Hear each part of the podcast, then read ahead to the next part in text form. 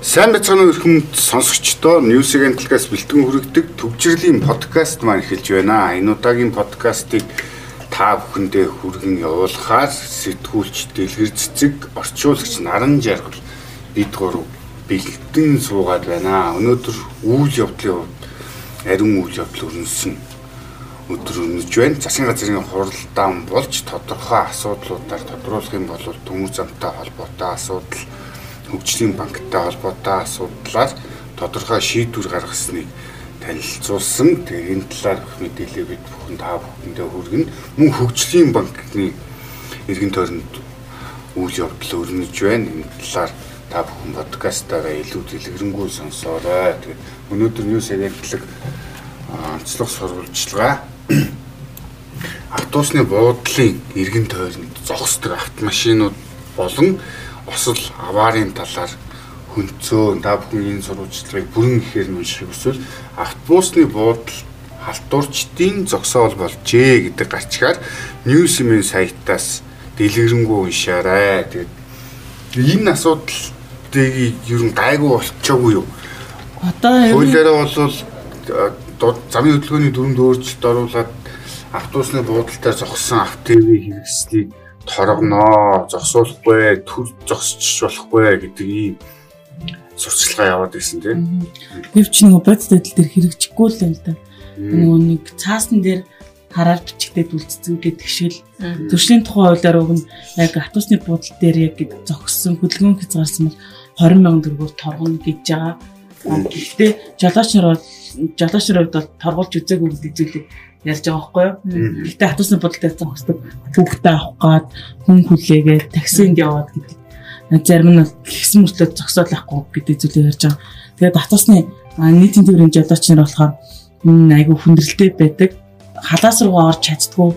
Ялангуяа төвчрэлтэй үед энэ бол төвчрлийг нэм дээрээс нөгөө халаас руу орж чадахгүй учраас одоо нөгөө зорчигчтой тий яалтчгүй л нөгөө нэг 2 дугаарыг нэмээс буулгах тохиолдол ингээд гардаг. За тэгээ дэрэн жолоочор ч өөрсдөө үлийн зөвшөөрчлээ.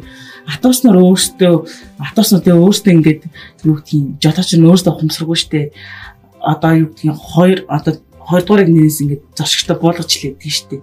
Угаасаа яаж тийм одоо зам нь хүрцэхгүй байхад яаж атуснууд нь бууд руу орох вэ гэдэг ч юм уу тий. Энэ байдлыг үүснэ ингээд хүлийн зөвшөөрчихсөн. Тэгээд төв замаараа ерөөхдөө бол гайгүй.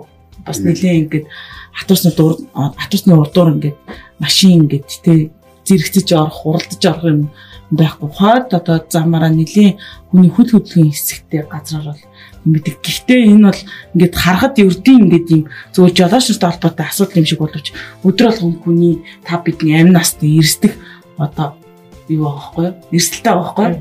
Яг замын голд хүн болгоно гэдэг чинь ялангуяа хүүхэдтэй хариулвал яг нь ялангуяа одоо хичээл хийснээс хойш одоо хүүхдүүд зам тээвэр маш их бүртэж л да. Тэгээд яг өнгөрсөн 7 хоногийн байдлаар тээврийн цагдаагийн албанд бүртгэгдсэн мэдээлэлээр зам тээвэр бас явган зөрчил хэлбэрээр 11 хүн мөргүүлж нас мөргүүлж гинцэн.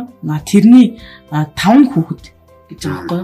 Тэгээд хин сургуулийн бус орчин гэдэг байгаа. Гэхдээ тэр чинь мэдээ сургууль руугаа явж байгаа л зам тээвэр бас дөрцөн байхаг бол үгүйсэх байхгүй юу. Нэг хүүхэд бол жишээ нь төв шуудаг нэгэнд бол гимцэн штэ тий. Тийм олзроо гарч яхад нь мөрөгцөн гэдэг мэдээлэл явж штэ тий. Тэгээ ийм ерөөсөө нөгөө камерын хяналттай газарт нь болохоор зогсохгүй хяналтгүй байдаг газраар л зогсоод идэм шүү ер нь. Тийм ер нь бол тийм байт юм лээ.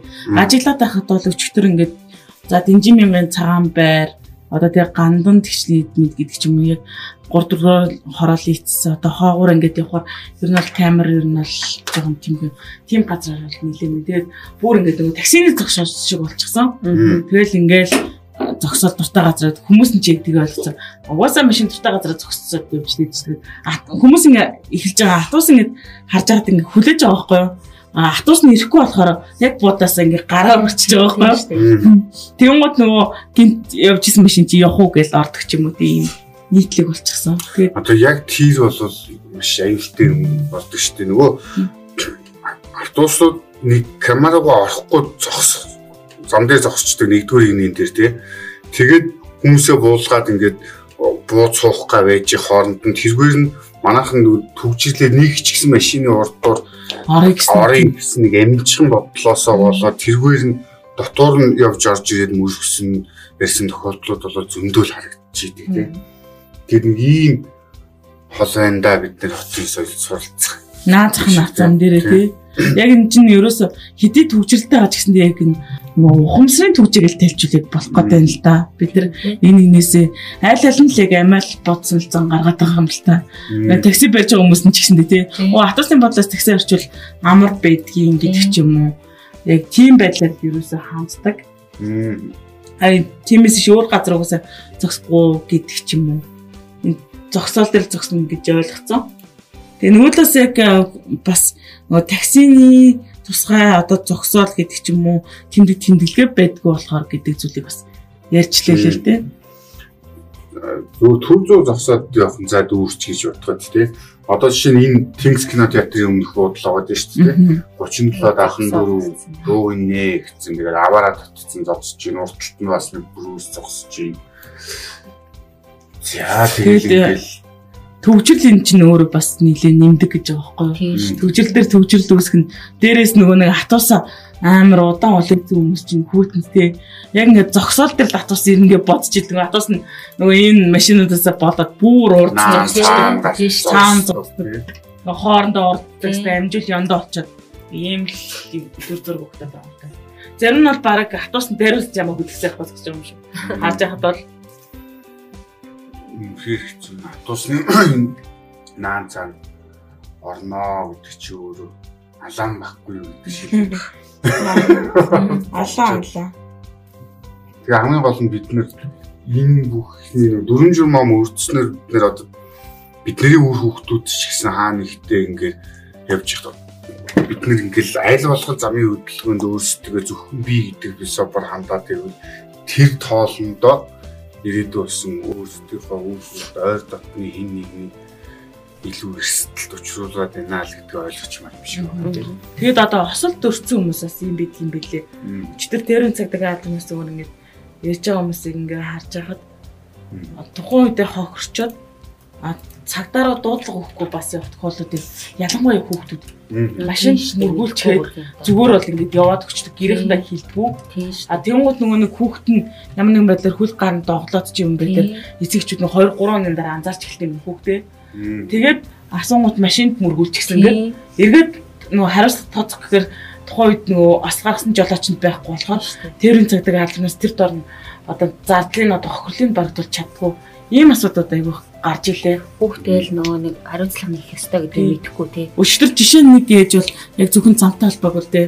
Жишээ нэг ээж бол яг туул голын мөсөн дээр хүүхэд нь бөөнөрөө ингээд тоглож байгаад машинт ингээд гуулгадсан шүү дээ чирээд. Яг тэгж тоглож байгаад нэг нь нэгээгээ мөргсөн баахгүй мөргөд ухаалтад унчихсан. Өсвөр насны охин. Тэгээ гэрээхэндээ хилээгүй. Тэгээ дээж нь яг нэг ажигт толдоо гэдэг ч юм уу тий. Тухайд мөргөл ухаалцсан гэж байхгүй. Тэгээд тэр үедээ ямар ч дуудлага бодлого өгөөгүй ингээд өнгөрцөн. Тэгсэн чинь маргааш нь нөгөө нэг охин нь нэг жоохон хөлн ингээд доглоо яваад харна. Яав юу гэд асуудал машин ингээд мөргүүлчихсэн. Тэгсэн чинь хамарн далилтай. Тэгээд одоо ингээд улсын эмнэлэг амар очтой болохоор үзүүлж ямжихгүй. А тэгээд одоо бүх зардлыг хуваасаа ингээд гаргаж байна. Тэрэн цагтаа албат дээр очиод бол ер нь бол ингээд өргөдөл өгч шийдвэл ихтэй тухайн одоо хэрэг бол өгсмөл асуудал эдгээр дорн шийдвэрлэх байсан гэдэг зүйлийг ярьж байгаа хгүй. Тэгсэн чинь өөж болооч нь уцаа салгаад нөгөө сургаал болсон гэдэг ч юм уу. Ийм асуудал үүсэж байгаа хгүй. Энэ тохиолдолд бол их байна. Аюултай юм тийм. Одоо энэ 2 хоногийн өмнө хахад бас прус машинд хүүхд мөргүүлээ төшөөдөнгийн тэгээ босоод гүгээд яваад өглөө эцэг их нь вэвэл үзүүлээрээ анхаараарай гэсэн. Тэгээд одоо автомашины осол бол дараа нь хожим нь илэрдэг нэг аюултай тийм. За гэтэл одоо энэ нөгөө төвжирлийн юмнуудын шийдгийг хотын зүгээс босон болоогүй. Цагийн үед дүүслээ аваад байгаа. Тэрнийхээ хүрээнд одоо нэг э, Улаанбаатар цэгийн сайтн дээр нэг санал асуулга тавьсан. Ажилтны төлбөр 100 мянган төгрөг болгоод жолооч нарын 73 хүн дуртай газар автомашина байлуулахгүй болно гэж үзэж байна гэдэг. Тэгээд нэг юм санал асуулга авсан байна. Одоо хаа дураараа хаасайгуу тавьж гинэ гэдэг энэ сурвалжтан дээр хөндөд нь шүү дээ. Тэгээ энэ асуудлыг зэгцлэхийн тулд бол энэ ажилтны компани ачдаг төлбөрийг нэмье 60 мянгаыг 100 мянга болгочвол 93-нд энэ машины хайж явдаг ийм дураараа зогсдог байдал арилна гэж үзэж чинь гэж Улаанбаатар цэгийн сайтан дээр санал асуулгаар дүнсэн гэд гараад. Яг харагдаач гэж хэлчмээр байгаа байхгүй тий. Яаж санал асуулга явуулаагаа мэдэхгүй. Тэгээ одоо санал асуулгад нь санал өгье гэхлээр санал асуулгын хугацаа дууссан гэдэг хэлсэн. Одоо ч жишээ нь нөгөө нэг энэ 59 сургуулийн цагаан урт дүүжд оруулах тухай яригдсан шүү дээ. Бас эцэг эхчүүдийн тэгэл 50% дэмжлээ гэдэг. Эренгээл харангуут 83% дэмжлээ гэдэг Тэгээ ингээ хэрэгцсэн яг ингээл төвжирлэг буурна гэсэн бод төр бол буруу болоо байхгүй. Тэгээ улам харин нэмэгдсэн юм шиг ярагдаад байгаа юм да. Тэгээ сонирхдаггүй яалтаж үл өөр намд өгсөн юм да гэсэн чинь өвөөгөө нам нь гарч ирээд байдаг тийм манай. Олонхоо тэгэж бодоод ахтал тэгэл шал өөр хүмүүс гараад ирчихдэг тийм яг адилхан нэг технологи юм. Хаагуурн санал аваад байгаа юм бэ гэдэг шиг. Ийм нэг нүд хуурсан ажил хийгээл агаар юм да. За түрүү хэлжсэн хөгжлийн банктай холбоотой зүйлэн нэг нь өнөөдөр Мөнхбат хөгжлийн банкны гүйцэтгэх секретар ажиллаж байсан Мөнхбатыг цагдан хорих санал үндэстэй эсхийг шүүхээр хилцэх. Тэгэхээр одоо хилцэж байгаа. Тэгээд энд нэг юм яваад байгаа нь Мөнхөтийн өмгөөлөгч болоо зөвхөн хууль заасан үндслээр буюу оргон зайлахыг заавцсан гэмтэрийг үлдэж болцшгүй гэрч шүүгчдэд хууль бусаар нөлөөсөн нөлөөлж болцшгүй амиа хорлохоос урьдчилан сэргийлэхийн тулд цагдан хорих шийдвэр гаргадаг. Мөнхөтийн хувьд дээр хүндлийг аль нь ч байхгүй. Тиймээс прокурор өөрийн үзмжээр цагдан хорих санал гаргаж байна гэдэг. Тэгээ хашны бас өчигдөр энэ шүүх хурал хорих хэсгийг шийдэх шүүх бол болохоор таван задлагдсан байсан. Э, гэтэл хашир шүүх хүрэлтгүүнээс татгалцсан. Тэгтэл өнөө өглөө нь ингээд шүүх хүрэлтгүүнийг солиод дахин шинээр тов зарлаад ингээд ороод ирж байгаа. Шүүгч нэг шүүхийн зөвлөх шийддэг энэ асуудлыг шүүгчдийн зөв бүрэлдэхүүнээрээ оролдож нөгөө тогтоодог асуудлыг 24 цаг хүрээгүй байх хугацаанд дахиж хилцээд ингээд явж байгаа нь өөрөө эргэлзээ төрүүлж байна гэж өнгөлж байна гэх зүйлс ингээд хэлээд. Гэвтэл энэтэй холбоотой бас нэг мэдээлэл улсын хурлын гишүүд мэдээлэл хийсэн. Тэр нь юу вэ гэхээр улсын хурлын хөгжлийн банктай холбоотой ажлын хэсэг байгуулсан байгаа. Тэр ажлын хэсэгт бол улсын хурлын гишүүн даваас бүрдээр шин зэрэг Баттэрдэн нар багтсан. Энэ хүмүүс өнөөдөр мэдээлэл мэдээлэл хийхдээ энэ хөгжлийн банктай холбоотой асуудлаар хяналтын хороо байгуулъя гэдэг санал гаргаж байгаа. Тэгээд энэ байгуулах шалтгаан нь юу вэ гэхлээр одоо энэ хариуцсан хариуцсан мөрдөн байцаагч мэдээлэл тодорхой өгөхгүй байна. Тэгээд мөрдөн байцаалтын нууц гэдэг үнэс хуулийнхаа хэллэгээр зөндөө асуудлууд бол ил гарахгүй өнгөрч байна. Энийг ил олох хэрэгтэй байна гэх зөвтгөлөөр хандаад байгаа. Гэтэл энэ хяналтын хороо юу байгуул юу хийх гэдэг юм бэ гэхлээр шүүхийн шүүх эрх мэдэл шууд байдлаар халтгаж байгаа юм шиг арга хэмжээ авахгүй байна. Хяналтын хорооны бид нар тэг үнэн зөвийг марталж гаргаж ирнэ гэдэг улсын хурлын гишүүд чи өөрсдөө хууль санаачлах хууль баталгал субъект шүү дээ. Гэтэл өөртөө байхгүй эрх мэдлийг авчирч ирээд өөрсдөндөө төвлөрүүлээд тэгээд аливаа хувь хүн ч юм уу компани асуудлыг шүүх тухай яриа сууж байгаа байхгүй тий. Гэтэл хүчлийн магтай холбоотой хилцүүлэх улсын хурлаар сонсол хийхээр болсон. Тэр сонсголыг нь улсын хурлын даргын ажлын 3 сарын 7-нд бүгд мартын 8-нд тэмдэглэж явахгүй хийх санал гаргаж ирсэн. Өмнө нь бас хүний эрхтэй холбоотой, жагсаалт цуглаантай холбоотой нээлттэй сонсголыг хийхдээ 12 сарын 30-нд хийж байгаа жишээ нэг тийм.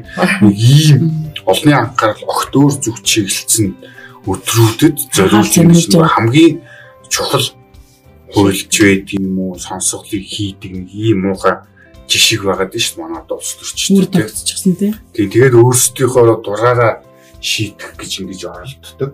Тэгээд энэ хөгжлийн банкны асуудал бол ер нь замаалтаа сонир байдлаар л энэ банктай ирсэн бас нөгөө яг энэ хөгжлийн банкгаар асуудалтай байна.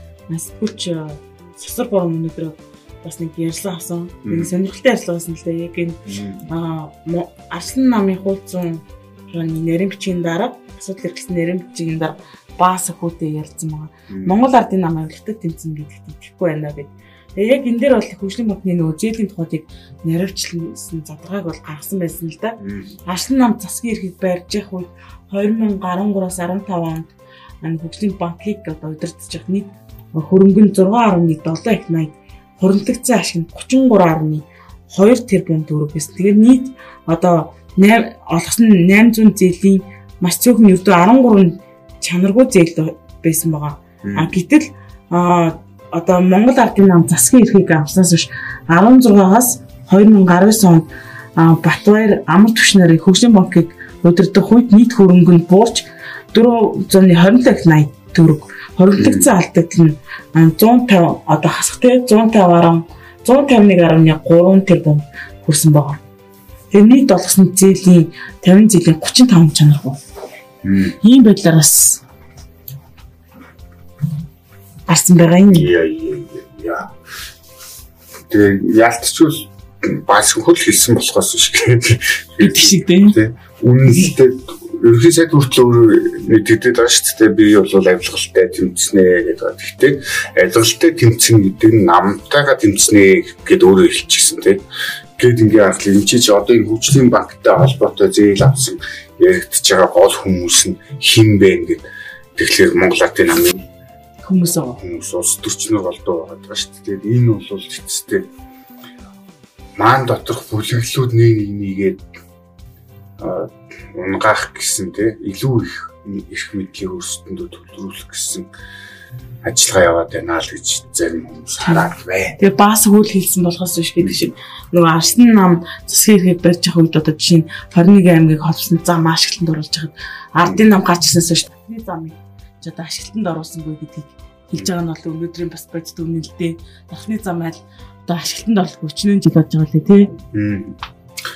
Тэгээд дархны одоо хитцээч энэ жил хат толгоогоор хариуцаарай гээл те.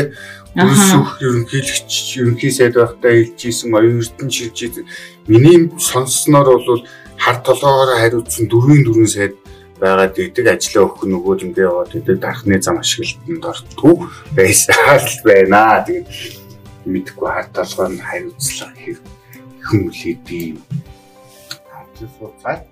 За өнөөдөр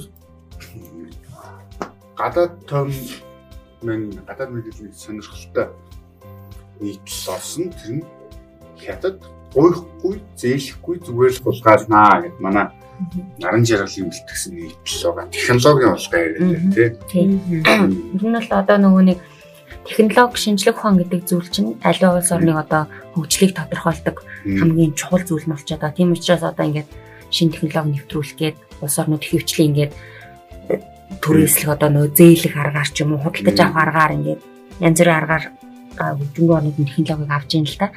За тэгэнгүүт нөө хятад яаж юм хөр энэ хоёр аргыг алийг ашиглахгүй хулгай аргыг л ашиглаад байна гэдэг. Тийм тэгсэн байлээ.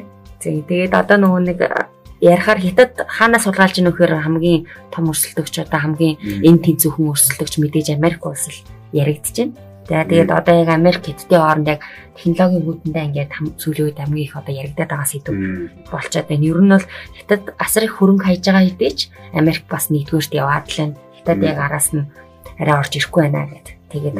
За тэгээд энэ дээр ер нь бол ямар одоо системээр ч юм уу яваад байна гэхээр хятадаас цалинжаад тэгсэн мөртлөө Америкийн нэгэн улс дахиад цалин аваад ингээ ажиллаж байгаа юм эрдэмтэд зөндөө байна гэдэг гэж байгаа. Энэ тэгэхээр одоо бас нөгөө даалгавраар ирсэн ч гэдэг юм уу тийм л байна шүү дээ.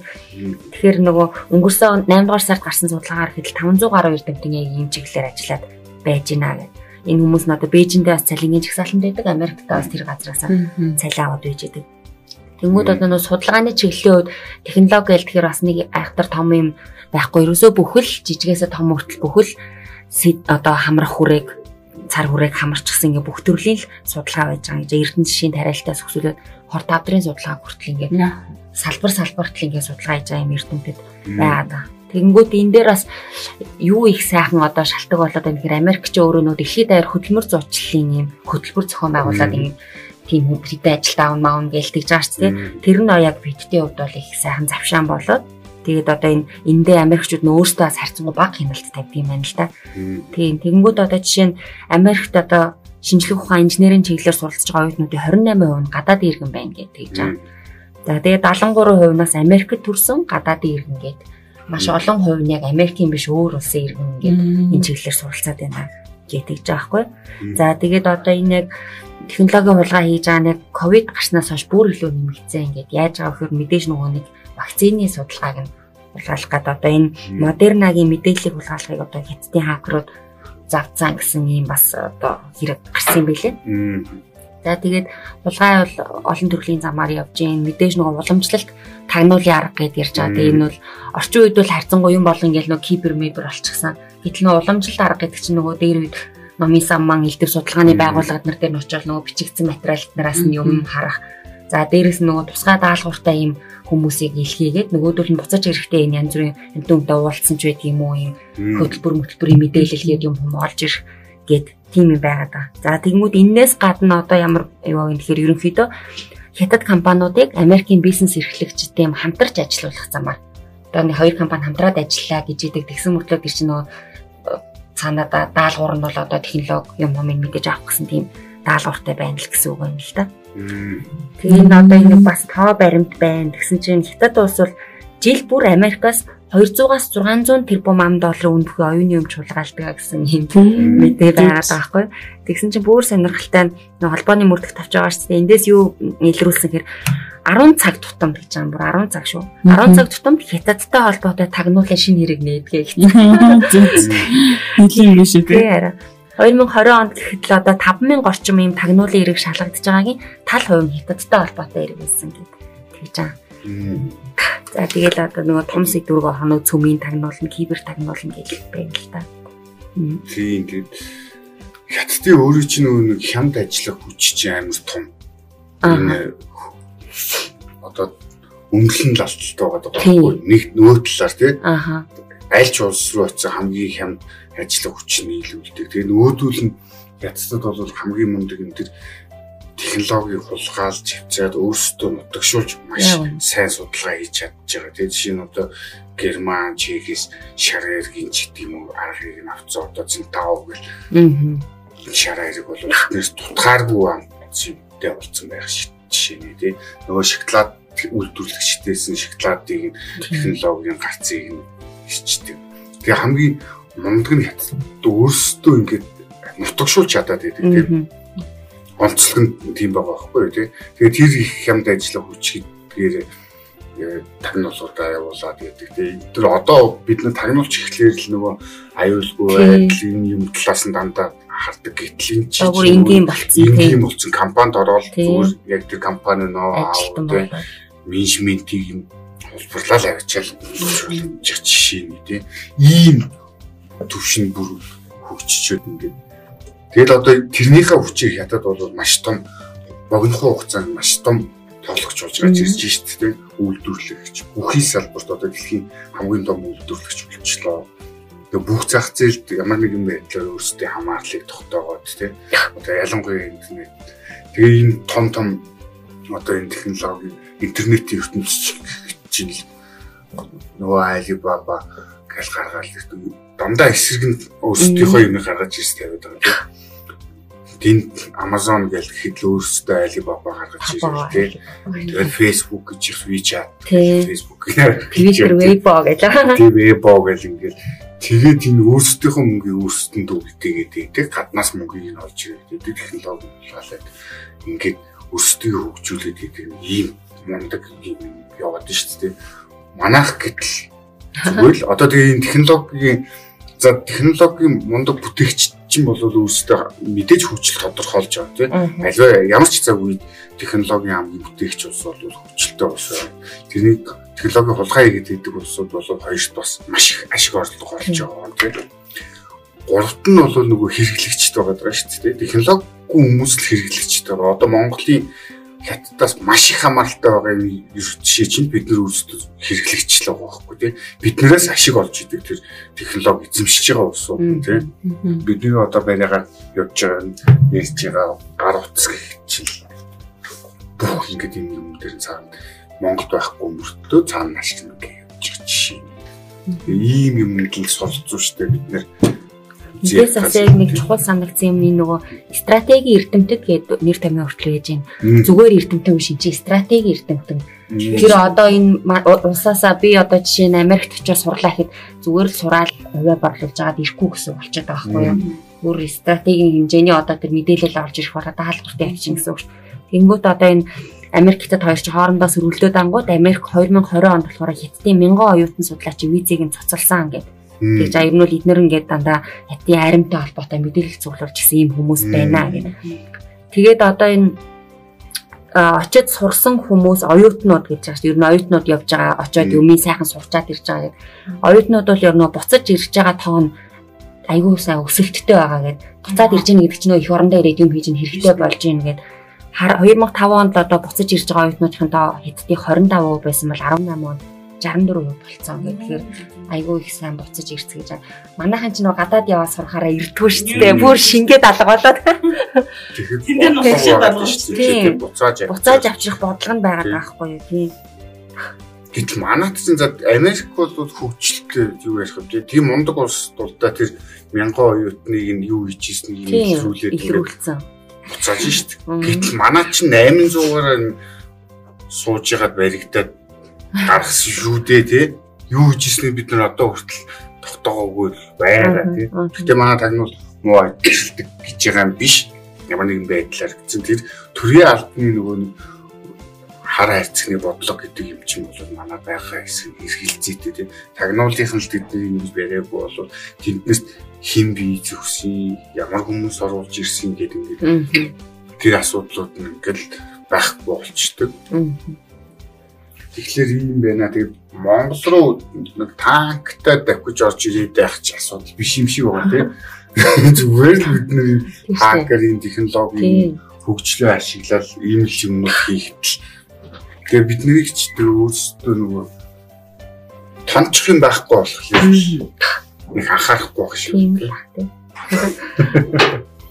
За энэ сонирхолтой нийтлэг дав илүү илэрэнгүй миний чиг уншихыг хүсвэл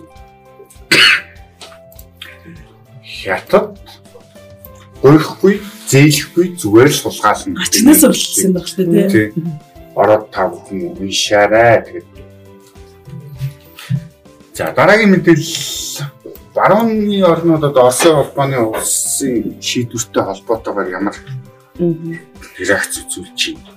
Тийм Байден чинь хөргөл гаргачих боллоо тий. Одоо ерөөсө өчигдрөөс эхлээл араагаасаа бүгдээрээ 20 20 гээл дуулаад эхэллээ л дээ Байден авлаа гэ. Тэгээд ер нь бол дандаа нөгөө ажиглаад хад банк санхүүгийн систем рүү нь ер нь хандсан байлээ.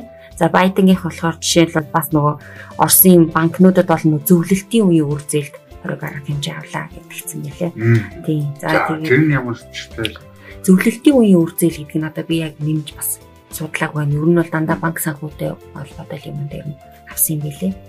Тийм. Тэгээд юу яачингууд Америк болохоор ийм бангууд дахиад Герман ч нөгөө хамгийн том Nord Stream гэдэг хийн хоолойн төслөө зогсоо очихсан. Ер нь бол хийн хоолойн төслийнх нь ажил нь 9-р сард бол дууссан байсан юм билээ. Дуусчаад одоо энэ нөгөө нэг гэрчлэгээ авах нь хүлээгдээд ингээд арай эхлэх болоогүй гэжсэн. Энэ ажил нь одоо хэрвээ одоо хийгдчих юм бол хоёр улстай бол нэлээд уг нь ашигтай юм ажил байгаад байгаа шүү дээ. Оросоос Герман руу чиглэж байгаа байгалийн урсгалыг нь хоёр дахин нэмэгдүүлнэ гэдэг. Тэгж байгаа. Гэтэл энэ ажлаа одоо бас зогсоочлоо. Канад болохоор бас эдийн засгийн эхний шатны хориг арга хэмжээгээд энэ нь болохоор энэ нөгөө тус тусгаар тогтносон гэж нэрлэгдээд байгаа хоёр улсуудтай бүх төрлийн санхүүгийн харилцаа холбоо тогтоохыг нь бас хориглолцлоо гэдэг тэгсэн байна лээ. Их Британи бас адилхан. Энэ Их Британд болохоор ерөнхийдөө нөгөө нэг бас хувь хүмүүс дээр хориг арга хэмжээ авсан байлээ. Оросын 3 тэрбумтныг Их Британд зорчихыг нь хориглоо оргилсон гэдэг тэгсэн байл. Европын холбооноос бүр энэ 351 хүндгцэн Оросын дуумын 351 гишүүнд хориг арга хэмжээ авсан. Энэ нь болохоор нөгөө нэг энэ тусгаар тогтносон гэж хүлээмжшүүрэх энэ саналынуудаа дэмжсэн Путинд уриалсан тийм гişүүд байгаа юм байлээ. Тийм. Тэр нь бол дандаа л энэ дийлэнхтэй санхүүгийн одоо хөрөнгө зарцаах санхүүгийн арга хэмжээ авсан байл. Сошиал ертөнцид бас энэ Путиний хэлсэн үгнээс их ишилж яваад байсан тийм. Монголчууд чинь л одоо тэр үгийг ишлэлээ болсон зөвлөлт улсын үндэслэгч Ленины зохиомжтой бүтээл болсон усаа гэж Украиныг тодорхойлсон. Тийг яваад байсан гэтэл чиний бас сонирхолтой мэдээлэл тий гадаад ертөнцид энэ бас ярьсан шүү дээ. Тий. Тийм Монгол бол одоо Монголын түүхийн хилийн шугам энэ одоо Москва Монгол Орос Монгол хоёр л ерөөсөө бүх талаараа генетик соёлын гүнзгий холбоотой улсаа гэдэг газрын зургийг оруулаад ирсэн. За энэ өөр нэг хүний ханаас хөгжилтэй юм билий ер нь бол Орос газар нутгаа Монголд буцааж өгнө гэж байх уу? Москва болон Оросын дийлэнх газар нутаг нэгэндээ Монголын эзэнт гүрний харьяанд байсан шүү дээ. Тэгэхээр үгүй л болов гэдгийгсэн тий. Тэг чи энд шал өөр болцсон юм Путины нөгөө үгэн дээр юм. Анализ хийгээд шүү хүмүүс тий. Нэрээ одоо бид нар чи шал өөр болж юм байл ийм Украин бол манай мэдлэлт байсан, манай манай бүрэлдэхүүнд байсан гэдэг бид нэр одоо тэгж яриад байвал тий харин тэ галзуурч гэж бодох байлгүй дээ тий. Тэгээ пүүдээ хэлсэн болохоор манайх нэг мундаг одоо манайхын шиг өөрсдөн дээрээ тусгаж аваа сони юм яриад байдаг. Бидний одоо нэг ахаад ах дүү гэдэг үгнүүц ч гэсэн жоохон бодвоштой л байгаа. Тэгээ Орос ах нар гэж бид нэр яриад байдаг. Бид нар чинь 13 дугаар зуунахаа бодох юм бол Орос хүний чинь бол эзэн төрний батхан босгож өгсөн тий дархаа утрахаа байхад нь илүүлээд ингэж ийсэн ийм түүх байж л байна. Тэгээ одоо хятадыг чинь бас тэр жишээгээр бид хэлэх үү тий. Тэгээд ингээд одоо Английн колони байсан өчнөө улсууд л Английнхэн гэхэд угаасаа манай колон байсан гэдэг ярих юм уу дээ. Гэт ингээд бодглохлоор бас асуудал наатай цаантай харагдвал ойлгомжтой юм шиг харагдаад байна. Тэгээ айл нь юу яриад байгаа хин ойлгож. Нөгөө нэг шав зохиолч бичдэг нөгөө цэмтдэггүй ном соёлын давталгааг ном дээр хэвчээсэн бүсэн ах уншижсэн гэж магадгүй. Би яг нарийн үгийн санахгүй. Гэхдээ нөгөө Чингис хаан та нарыг өөртөө айтайхан байх юм бол тэр Хонконгоос бараг Парис хүртэлчгэлээ өглөө хонио бэлчих боломжийг нь олгосон гэж бичсэн байсан. Дураараа явчих боломжийг. Дураараа явчих боломж нь уг нь бол олгосон. Бид нар чи тэгээд эцэгтэй Чингис хаан айтайхан газар дулаахан газар газар согчгүй яасан гэдэг. Уг нь бодоод маш өргөн үдм нутгийг бий болгосон байгаа шүү дээ. Тэгээд л хавчигтай зэрэг бол бид нар өнөөгийн төлөвлөсөн. Гэхдээ асуудал бидний юм оршин байгаа газарт биш өөрсдөнд нь байна гэдгийг бид нар өг харчмаар юм шиг. Одоос ингэ өөр орж ин те хавраа өөр хүүт нэрчээс нэлээд суларж ин одоо 100 болоод одоо аялжуучлын үйлрэлтэй Тэ. Яг үүнтэй холбоотойгоор нөгөө зам болохоор манайхан чинь аялагчид хөөсгөлрүүл явчихдээ шүү дээ тий. Колонкийн бензингүй болохоор ATM-ийн мөнгөгүй болохоор тий. Хамгийн эмгэнэлтэй тэгээд эндээс авч итсэн хогс хоол ундныхаа хог үлдэгдлийг тэнцэн хаяад. Тий. Далаа ээж буцартуулаад үргэлж ирдэг. Гэлтэй тий. Одоо тэгээ хөвсгөл нуурын одоо хамгааллын асуудлаас нэлээ яригдж л да нуурын одоо бохирдлын асуудал нэлээ яригдж байна. Өнөөдөр яг энэ дээр нөгөө яг хөвсгөл нууртай холбоотой нөгөө тал талын төлөөллөд өнөөдөр нэг дор чуулж юм л да. Тэгээ хоёр өдөр төрийн ордонд яг энэ асуудлыг хилэлцэн. Тэгээ яг өнөөдрийн хуралдаанаар болохоор яг цаашид бол шинээр аялал жуулчлалын бүстэй энэ газрыг бол олохгүй нуурын ус руу бохир цутгуулахгүй гэдгийг бол байгаль орчин сайд онцлоо. Аймгийн засаг дарга нь болохоор ийм зүйл ярьжлаа. Хөвсгөл аймагт одоо аль жуулчлалыг илүү хөгжүүлэхийн тулд казино байгуулах хэрэгтэй. Нуур одоо тойрсон эсэх буудлуудыг ингээд байгуулах хэрэгтэй гинэ. А яг нэг хөвсгөлийг зорж байгаа жуулчдын одоо зөвхөн нэг авцамаар шиг хөвсгөлийг нураг дээрс нь одоо тойлдох илүү сонирхолтой байдаг учраас ер нь бол ийм юу гэдэг богино одоо маш ихтэй эсэх тэрэг бол шаардлагатай Гэсэн чи байгаль одоо манай аль жичлэн юмчдаа тий ер нь жил болгоныг сая жуул чинь татчих авна гэл ярьдаг штэ тий. Гэтэл одоо байгаль нурт жишээ нь жилд зөвхөн байгаль нурц жилдээ 1 сая орчимжуулж ин татдаг гэж байгаа байхгүй. А гэтэл тэр байгаль одоо нэм зүйл яаж байгаа байгаль нурыг одоо хөвсгөл нуртай холбосон юм авцам гэдэг юм одоо ханх бомтыг одоо энэ авцамтай болсноор тэр сайжруулсны нэг 5-10% нь одоо хөвсгөл нуур руу ирэх боломжтой гинэ. Ингэснээр тэр аймагаас олж байгаа орлогыг одоо тэр жуулчдаас олж байгаа орлогыг орон нутгад төдрүүлэх боломжтой. Гэхдээ ер нь одоо хөвсгөлийг айлж учтын бүс болгоно гэдэг. Ер нь тийшээ just нэлээд аялагч тоо шүү. Гэхдээ тэр төдрөөс өмнө нэг хаана байгаа юм бэ гэдгээс тодорхой байна. Тэгэхээр манайх ингээ амар гоё гой гой юмнууд гой гой юм том том агаарын агаарын юм тий Тийм өнөөдөр юм байлаа ч гэсэн хөвсгөлийн ганц асуудал хөвсгөлд очиод асуудал бол үнэхээр яг засаг дарга энэ ерөнхийлөгч энэ анзаардаг бол нойлын асуудал байдаг бид нэр 100 жилийн өмнө байжсэн ойлтгоо яг хэвээрэл тэнд байж. Чи юм. аялж уулчлаа тий. Одоогийн манай жорлон энэ модон жорлонгийн ойлыг чинь бидний нөгөө эзлэн төрөмгийг орж ирээд байсан шүү шүү жан анх хийлгсэн байдаг шүү дээ. Үнэхээр годомжинтай шээж байгаа муухай юм аа. Яаж ойлтой болгоё. Одоо тэрнээс хойш энэ салбарт ерөөсөө ноу хааж юм хийгээгүй ингэчээ тэгээд нэг том байгаль нуурын жуулчдыг наашаа татнаа гэж ингэж бүртгэхээр болмоор санагдаад байгаа аахгүй надад. Энэ дээр өнөөдрийн ингэ төлөвлөгөөнүүд нь казино байгуулгын байгуулгыг л гой гой юм ихээр нь тийм. Юу хөвсгөлд ирэх гэж тэгэл одоо казиноч ирэх хүн казино хөвсгөл тоглох гэж ирнэ. Ангатай байхгүй. Тэгээд их чинь казино тоглож ирснээр эвгүүтэд ингээд бизнес хийж нойлон тий. Нөгөө тийргээд ийм юм маш шийдэж чадахгүй гэж бид нэг гой гой юм ярмааргүй байгаа юм тий. Зүгээр энийг бол бодит байдал тийм юм чинь тий. Уг нь болоод бид нэр асуудлаа багаас нь эхлэмээр юм шиг байна. Хэрвээ тэр гоё шүү дээ. Гэвэл тий энэ орчиндоо цэвэрхэн байлгадаг тэрний цэвэрлэгээний систем ч байд юм уу хатаглал нэг боловсон ойлтой болцож тэгчээд ийм ийм гоё газраа гэж очиж үзүүлмээр байгаа байхгүй тийм өөрөөсөө хамгийн цэнгийг ус гэж хөвсгөл далаагаа мэдээд идэм мөртлөө хамгийн бохир байлэр тэнцээ үйлчлэгээ санал болгодог ийм л нөхцөл байдалтай. Одоо ингэж жишээ нь одоо ингэж одоо хятадууд гэхэд одоо түрүү ярьлаа шүү дээ.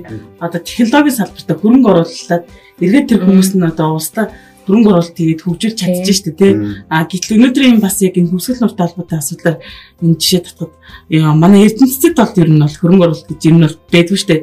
Бараг бор зөрхөр гэдэг. А гэтэл нөгөө ерхийлэгч ийм зүйл яриад байгаа байхгүй. Энэ одоо хөвсгөл талаа анх байсан цэвэр тунгалаг байдлаас өнөөдөр ямар хэмжээнд хүрснийг судлаачид танаар судлах ёстой. Өнөөдрийг хүртэл бодит судалгаа байна та нар хийх чадах уу гэдэг байхгүй тийм. Тэгвэл яг тийм судалгаа гаргахын тулд юу гэдгийг одоо тэр төрөөс тодорхой хэмжээгээр бодлогоор бас дэмжих хэрэгтэй юм байна. Атлаа төсвийг яаж гаргаж өгдөг билээ тий. Нөгөө судлаач судалгаа хийж байгаа багийг яадаг үлээ. Улс төрийн өөрсдийнхөө нэг танил талыгаа хүрээнд л аливаа судалгаа гамдаа явуулж идэг нэг юм жишээ биш. Өнөөдөр чинь одоо Монгол улс маш том энэ ил хаадын үеийн түүхийг орчуулад байгаа анх баяр гээл доктор гэх төрийн шугамаар нэгч төсөл хөтөлбөрийн санхүүжилт авч үзэх үгээ сууж байгаа байхгүй. Бүр өдөг том тэр бидний судалж чадахгүй байгаа перси бичиг баримтуудын нээж ном тохиол бот болгоод гаргасан хүн тэгж ийн эхлээд нэг ингэж нэг камер харахлаар гоё юм яриад тэгчээл чигт нь хайдаг нэг юм хөгийн байдлаа болоод тэг жоохон агаар иймээс илүү хүсэн дээрээ бууж яриасэ гэж бодоод тэгээд Хадгалаад энэ хөвсгөл нуурын дээр очиж өөрсдөө асуудлаа хийж байгаа ямар шүүхэн байна гэдгийг харж судалчаад нэмэрээсэ гэж хэлмээр байгаа. Төрийн ордонд хөвсгөлийн асуудлыг хилцээд байх хэрэг байгаа ч юм уу ч юм уу. За баярлалаа. Тэгээд үг болтож үхэх болтлоо. Төгжирлийн подкаст маань энэ түрээд өндөрлөж байна. Төгжирлийн богино хугацаанд ч гэсэн та бүхэнд хэрэгтэй мэдээлэл мэдээлэл хүргэсэн бол бид гурав баяртай холноо. Тэгээд маргааш илүү шинэ мэдээлэлтэй төвчрлийн подкастаараа ирэх нь болцгий. Баярлалаа. Баярлалаа.